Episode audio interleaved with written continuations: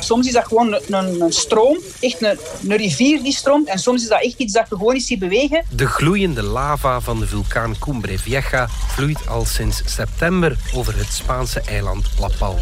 En dan ineens, hup,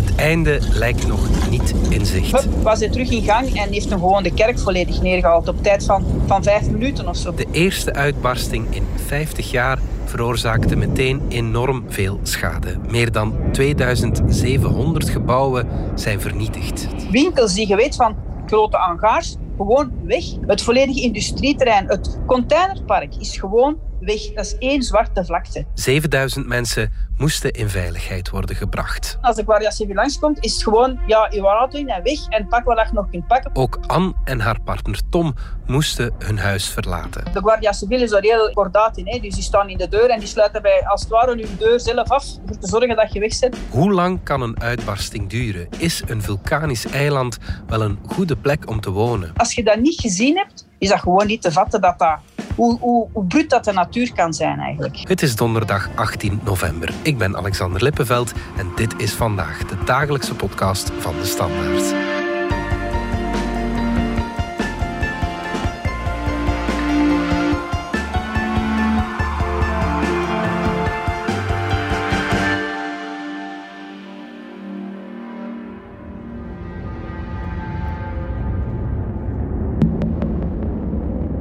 Moment dat hij uitbarstte, hadden wij niet gedacht dat dat zo dicht tegen ons ging zijn. Dus wij waren aan het eten. En hoorde zo een heel eigenaardig geluid van, ah, wat is dat? Zo echt zo'n sissend geluid en dan zo'n knal. En dan zijn we gaan kijken op het, het, perceel boven ons. En ja, dan zagen we, ja, dat is de vulkaan, dat meende niet zo dicht bij ons. Sinds vorig jaar woont Anne samen met haar partner Tom in Todoke, een dorpje in het zuidwesten van La Palma. Op het moment dat we Anne spreken, zit ze in het appartement van vrienden. Een huis dat op twee kilometer van de vulkaan ligt, is omringd door lava. Het is een van de weinige huizen in het dorp die nog overeind staan.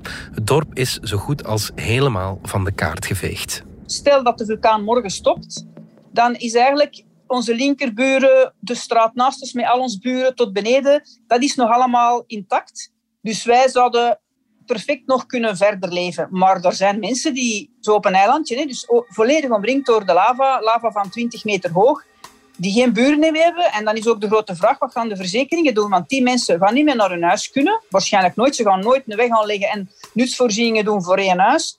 Ja, wat gaat er daarmee gebeuren?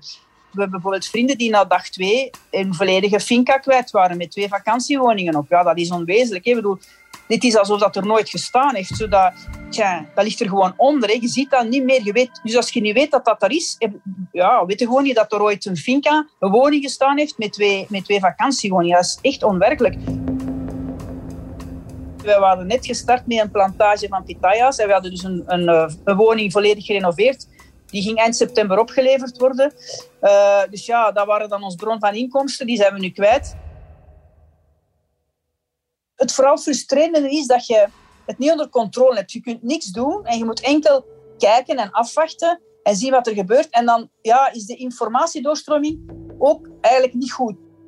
De manier waarop dat wij moeten te weten komen of dat ons huis er nog is of niet, is eigenlijk puur op beelden van iemand die met zijn droom vliegt en die dan tijd neemt om die beelden op Facebook te zetten. En dat is eigenlijk de enige manier voor ons om te weten, ah, ons huis staat er nog of niet er is eigenlijk geen goede communicatie voor mensen die ja, in een gevarenzone zitten en graag willen weten hoe dat de toestand is, om, om dat op een snelle manier te weten te komen. Hetgeen dat wij nu doen de laatste tijd, is naar El Time rijden. Dat is eigenlijk de kloof door richting het noorden. En dat is eigenlijk een, een, een hoog punt waar je een, een heel mooi zicht hebt op de Aridanenvallei.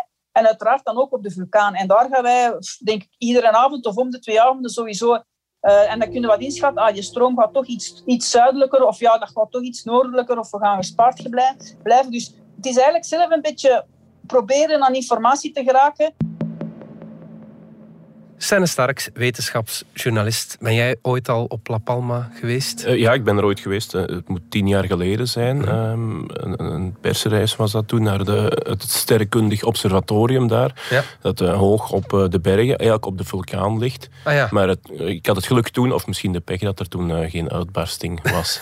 ja, oké, okay, de, de, pech zeg je. Um, hij is nu dus wel aan het uitbarsten, die Cumbre Vieja. Hoe uitzonderlijk is het dat een vulkaan wekenlang uitbarst? Ja, eigenlijk is het helemaal niet, uh, niet uitzonderlijk. Uh, die Cumbre Vieja is, is een zogenaamde hotspot-vulkaan, net als de andere vulkanen op de Canarische eilanden. Die hotspot-vulkanen die worden veroorzaakt door uh, opstijgend magma uit de aardmantel, dat dan de, de oceaankorst, de aardkorst onder de zee, ja. van onderaf doet smelten. Oké. Daarom noemen, noemen vulkanologen dat dus, dus hotspots. Op La Palma is dat om, omhoog uh, komende magma vrij vloeibaar en ook vrij heet, waardoor er dus uh, niet, niet gemakkelijk vast gesteente wordt gevormd dat die aanvoer van nieuw magma zou kunnen blokkeren. Ja. En waardoor die uitbarsting dus ook niet meteen uh, stopt. Je zegt vrij heet. Hoe heet is dat dan ongeveer? Dat zal iets rond uh, 1000 graden zijn, of toch, of toch meer. Ja, ja, ja dat, is, dat is bijzonder veel. Valt het te voorspellen hoe lang die uitbarsting nog gaat duren? Uh, dat is eigenlijk uh, quasi onmogelijk. Uh, vulkanologen zeggen wel eens dat het, het einde van een uitbarsting nog moeilijker te voorspellen is dan het begin ervan. Mm -hmm. Nu zijn er de laatste tijd wel tekenen dat de activiteit van de Cumbre Vieja aan het afnemen is. Zo worden er bijvoorbeeld minder aardbevingen gemeten dan in het begin van de uitbarsting in september. Mhm. Het debiet van de lava is, is ook lager. Er zijn ook tekenen dat de grondvervorming uh, vertraagt en, en, de samenstelling van de uitgestoten gassen en, uh, en assen verandert. Het einde van zo'n uitbarsting dat komt natuurlijk pas in zicht als, als die vulkaan meerdere dagen tot zelfs weken helemaal stil is. En dat is natuurlijk nog niet het geval geweest. Want zo'n korte periode van inactiviteit kan natuurlijk gewoon een pauze zijn, waarna de uitbarsting weer uh, opnieuw begint. En weten we veel over die vulkaan op La Palma? Is dat een die goed gemonitord wordt, zeg maar? Uh, we weten er eigenlijk heel veel over, die, okay. want die wordt bijzonder goed gemonitord, al vele decennia lang. Uh, er is daar een vulkanisch observatorium, dat is uitgerust met heel moderne apparatuur. Mm -hmm. ja, de, die vulkanologen weten dus precies hoe zo'n stille, veilige periode er zou uitzien, ja. om dan bijvoorbeeld weer de vulkaan veilig te verklaren. Nu, die vorige uitbarsting van de Cumbre Vieja, dat was al in 1971, dus exact 50 jaar geleden. Ja. Toen duurde ze trouwens ook een, een kleine maand. Ja. Nu, of we straks weer een halve eeuw uh, moeten wachten op de volgende uitbarsting, dat weten we niet. Mm -hmm. Al was de aardbeving voor 71, de laatste daarvoor, die dateerde van 1949. Ja. Dus daar zat dan een goede 20 jaar, goede 20 jaar tussen, maar ja. we, mogen die, we mogen die tijdsduur zeker niet uh, als een constant of, al, of als iets betekenisvols uh, zien. -hmm. Was deze uitbarsting eigenlijk voorspeld? Nu, eigenlijk wel, of, of wat je voorspeld wilt noemen. In ieder geval was er genoeg tijd voor de autoriteiten om, om de bevolking te alarmeren en te evacueren. Mm. Zo werden er een, een week voor de, de uitbarsting al aardbevingen vastgesteld op een, op een ondieper niveau dan, in, dan normaal gezien. Ja. Uh, en satellietbeelden tonen dan weer aan dat het magma langzaam naar boven werd geduwd. Ja. Daarnaast werd er bijvoorbeeld ook grondvervorming gedetecteerd. Dat uh, vulkanische observatorium op La Palma was al een, uh, een tijd lang in verhoogde staat van paraatheid. En dat is, dat is wel een groot verschil met, met andere vulkaanuitbarstingen. Neem bijvoorbeeld die van de Niero-Congo in Oost-Congo, mm -hmm. eerder dit jaar in mei. Ja. Daar hadden vulkanologen bijvoorbeeld maar een voorsprong van, wat is het, een, een klein half uur. Een, een klein half uur zeg je, dat is wel heel kort. Hoe, hoe komt dat dan? Komt dat dan door een gebrek aan technologie of zo? Of? Zeker niet, want die, die vulkaan in Congo die was ook uitgerust met, met verschillende sensors en, en, en die werd ook, ook regelmatig gemonitord door een, een lokaal observatorium. Ja. Nu, elke vulkaan is natuurlijk anders en, uh, en die vulkanologen die daar dan werken, die leren zo'n vulkaan ook wel kennen. Mm -hmm. En in, dat, in Congo, in dat geval, was, was het dus zo dat die vulkaan uh, actief werd zonder eigenlijk uh, veel, veel tekenen daarvan te geven. Ja, dat toont maar hoe onvoorspelbaar het kan zijn. Hè? Hoe accuraat kunnen vulkaanuitbarstingen ondertussen voorspeld worden? Hoe, hoe ziet die technologie er eigenlijk uit? Ja, die technologie die, die bestaat uit verschillende sensoren eigenlijk. We hebben, traditioneel hebben we de seismografen die de aardbevingen proberen op te pikken en uh, monitoren. -hmm. Daarnaast meet men ook de grondvervorming. En dat gebeurt door sensors in, in de grond die GPS-signalen afgeven. Zo kan men dus zien als er bepaalde stukken van de vulkaan, van de flank bijvoorbeeld, beginnen te bewegen. -hmm. Dan zijn er nog zogenaamde kantelmeters. Die houden de vulkaanhelling in de gaten om dezelfde reden. -hmm. Natuurlijk zijn er ook satellietbeelden de laatste jaren en radarsystemen die ook die grondvervorming en die, die uh, kanteling van de vulkaan uh, in de gaten houden. Mm. Dus we weten wel een pak meer dan, dan vroeger. Uiteraard. We weten meer, de technologie gaat er inderdaad op vooruit. Maar exact voorspellen wanneer een vulkaan zal uitbarsten, dat blijft uh, onmogelijk.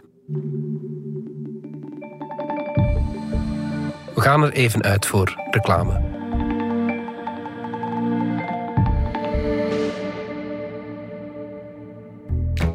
Wereld verandert sneller dan ooit. Blijf bij met de Enterprise Cloud van Workday. Eén systeem waarmee u continu plant voor elk what-if scenario. Workday, het finance, HR en planningssysteem voor een veranderende wereld.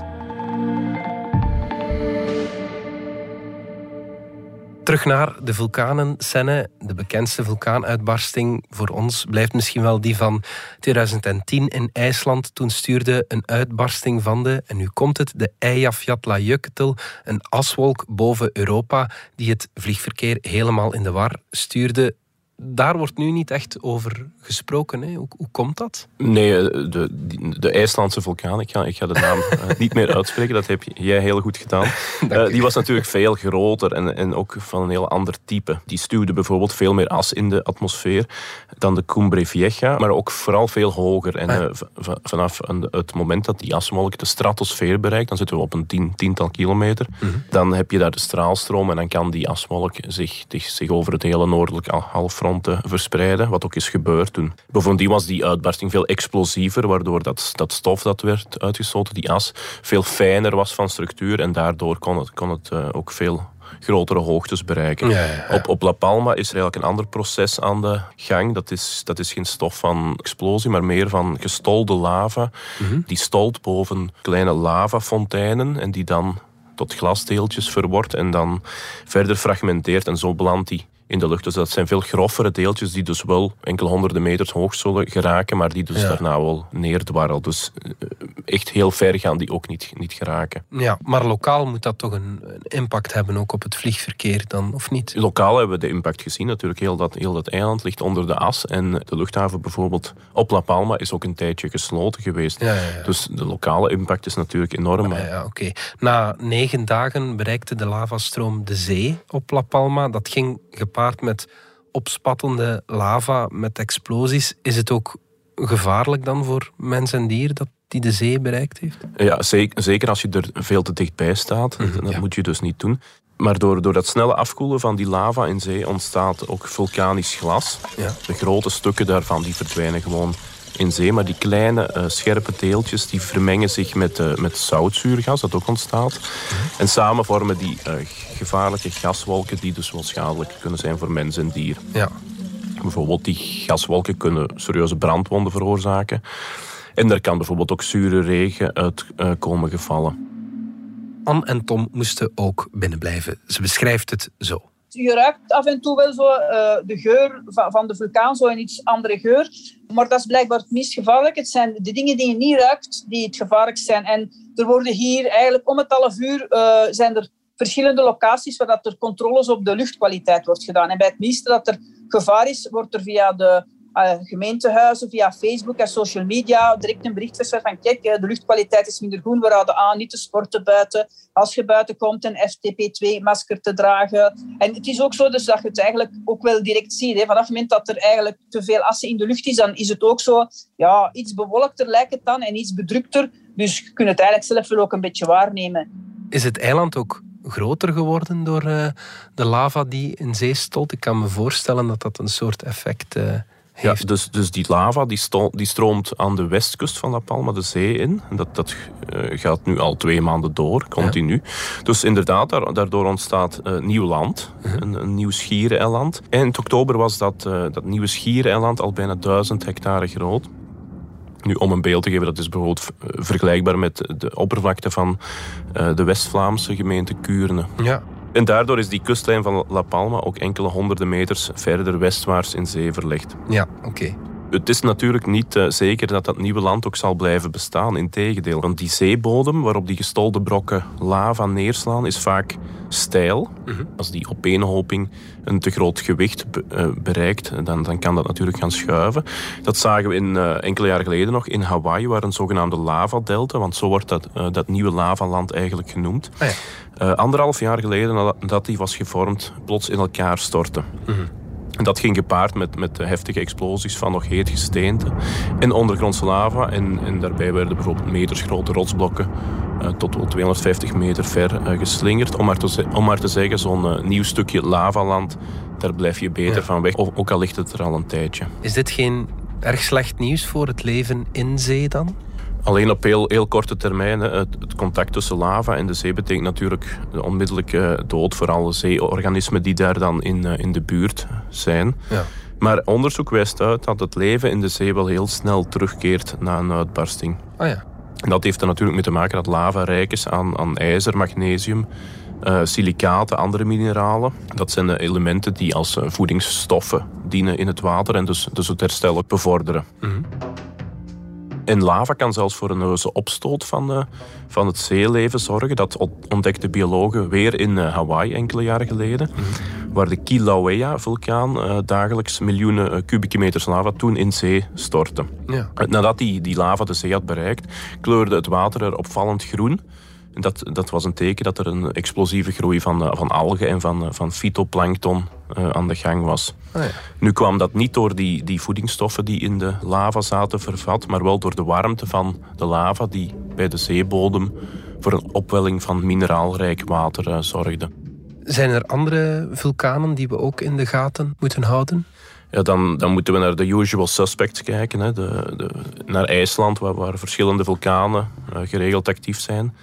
En, uh, en natuurlijk naar de Etna op Sicilië, die ook, die ook bijzonder actief is en die om de zoveel jaar wel in het nieuws zit. Mm Natuurlijk zijn er ook in, in Europa nog een, nog een aantal slapende vulkanen die in het, mee, in, het, in het verleden al meermaals zijn uitgebarsten. Misschien, misschien een interessante is die van het uh, kleine Liparische eilandje Vulcano mhm. uh, aan de noordkust van Sicilië.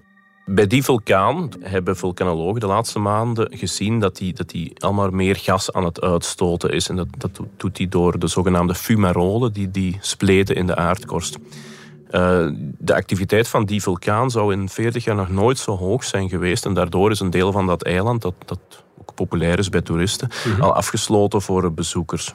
Ah, ja. Nu, de laatste keer dat die vulkaan is uitgebarsten, dat was in 1949. En dat moet toch een rampjaar zijn geweest, want laat er toen uh, net in op La Palma ook een uitbarsting zijn geweest. Ja, ja, ja, En zijn die vulkanen ook echt gevaarlijk of moeten we daarvoor naar andere vulkanen kijken? De echt gevaarlijke exemplaren die, die liggen toch elders. Bijvoorbeeld in de baai van Napels. We hebben natuurlijk de bekende Vesuvius. Maar gevaarlijker is vooral de zogenaamde Campi Flegrei, de Flegreïsche velden, mhm. ook bij Napels. Want daaronder ligt een, een slapende supervulkaan eh, waarvan je niet zou willen dat die, dat die ooit nog eens gaat, eh, gaat uitbarsten. Mhm. Veel dichter bij huis hebben we natuurlijk de slapende vulkaan onder de Lagerzee. Uh, dan zijn we in de Duitse Eifelstreek. Ook als die uitbarst zullen we het geweten hebben. Uh, de laatste keer dat dat gebeurde was omstreeks 13.000 jaar geleden. De kracht van die uitbarsting was toen vergelijkbaar met uh, die van de Pinatubo in 1991 in de Filipijnen. Mm vulkanologen hebben kunnen reconstrueren dat, dat 13.000 jaar geleden in een omtrek van 50 kilometer alles werd uh, weggevaagd. En dat zelfs de, de rivier de Rijn werd uh, geblokkeerd door al dat neergestorte gesteente. Oké. Stel ons even gerust, zijn er, zijn er signalen dat dat kan gaan gebeuren? Ik ga je niet kunnen geruststellen, of toch niet helemaal, mhm. natuurlijk. Uh, het blijft een slapende vulkaan, maar, maar tien jaar geleden hebben vulkanen toch ontdekt dat er wel degelijk nog wat beweegt onder, onder de lagerzee. Mm. Dus uh, we kunnen nog altijd niet uitsluiten dat die, dat die vulkaan uh, dood is. Mm. En niet ooit weer opnieuw tot leven zal komen. Terug naar La Palma, Senne. De wederopbouw wordt allicht een uh, dure zaak. Hè? Dus de Spaanse regering heeft, heeft het eiland al, al ruim 200 miljoen euro beloofd. Een groot deel daarvan gaat natuurlijk naar, naar de landbouw en, en de visserijsector, die, die zwaar zijn getroffen. Mhm. Maar ook naar de bevolking daar, die natuurlijk de crisis ook uh, wel, wel echt voelen in, in hun dagelijks leven. Als de vulkaan morgen stopt, zijn we binnen het jaar misschien maar ten vroegste bij ons huis ooit. Want de weg naar ons huis zowel langs de beide kanten, is volledig versperd. En de ene, ene versperring is drie kilometer lava. Dus dat moet vrijgemaakt worden. En dan moeten nog nutsvoorzieningen voorzien worden, want ook die zijn door de lavastroom boven ons volledig vernietigd. Dus wij hebben geen elektriciteit, wij hebben geen water. Dus ja, dat moet ook wel voorzien worden. En, en dat gaat zijn een tijdvraag, want wij zijn niet de enige. Er gaan natuurlijk een heleboel wegen niet meer moeten aangelegd worden, omdat daar een complete wijken weg zijn. En dan, als er geen huis meer staat, moet dat ook niet meer. En nu is het ook zo dat ze al die gemeentes aan het kijken zijn welke gemeentelijke gronden ze ter kunnen beschikking stellen om er huizen op te bouwen. Het is nu zo dat ze, ik haat de huisjes eh, gekocht hebben, prefab die snel kunnen gebouwd worden, zodat de mensen die geen huis meer hebben toch terug snel een nieuwe thuis kunnen eh, krijgen en toch een beetje kunnen bekomen van heel het verhaal. Veel mensen die ook zoiets hebben van, kijk, ja, oké, wij hebben hier nu niks meer. Uh, wat gaat La Palma nog kunnen bieden? ja, oké, weet je wat, wij trekken naar Tenerife, wat toch meer toeristisch is, waar iets meer economie is. En we willen niet hier verder blijven. Dat, dat gebeurt dus ook dat mensen dus eigenlijk wegtrekken. Maar de, de op zich kunnen daar blijkbaar wel vrij goed... Uiteraard is er heel veel verdriet, hè, maar ja, dat is toch wel een, volk die ook uh, samen er wilt voor gaan. En zoiets van, kop, we gaan hier terug samen een wijk bouwen en we gaan dat samen doen en zo. Dus dat, leeft wel heel hard onder de Palmeros eigenlijk. En ook met ons uiteindelijk, ja, wij, wij, ons buren zijn allemaal Palmeros. En wij hebben het geluk gehad dat die ons allemaal wel goed geaccepteerd hebben. Dus dat is eigenlijk wel leuk dat we straks, als alles zo blijft, terug kunnen gaan. Ja, dan gaat die band alleen nog maar sterker worden. Want we hebben allemaal hetzelfde meegemaakt, allemaal in diezelfde miserie gezeten. Ja, ja, ja, maar ondanks al die ellende komen intussen wel mensen speciaal naar La Palma.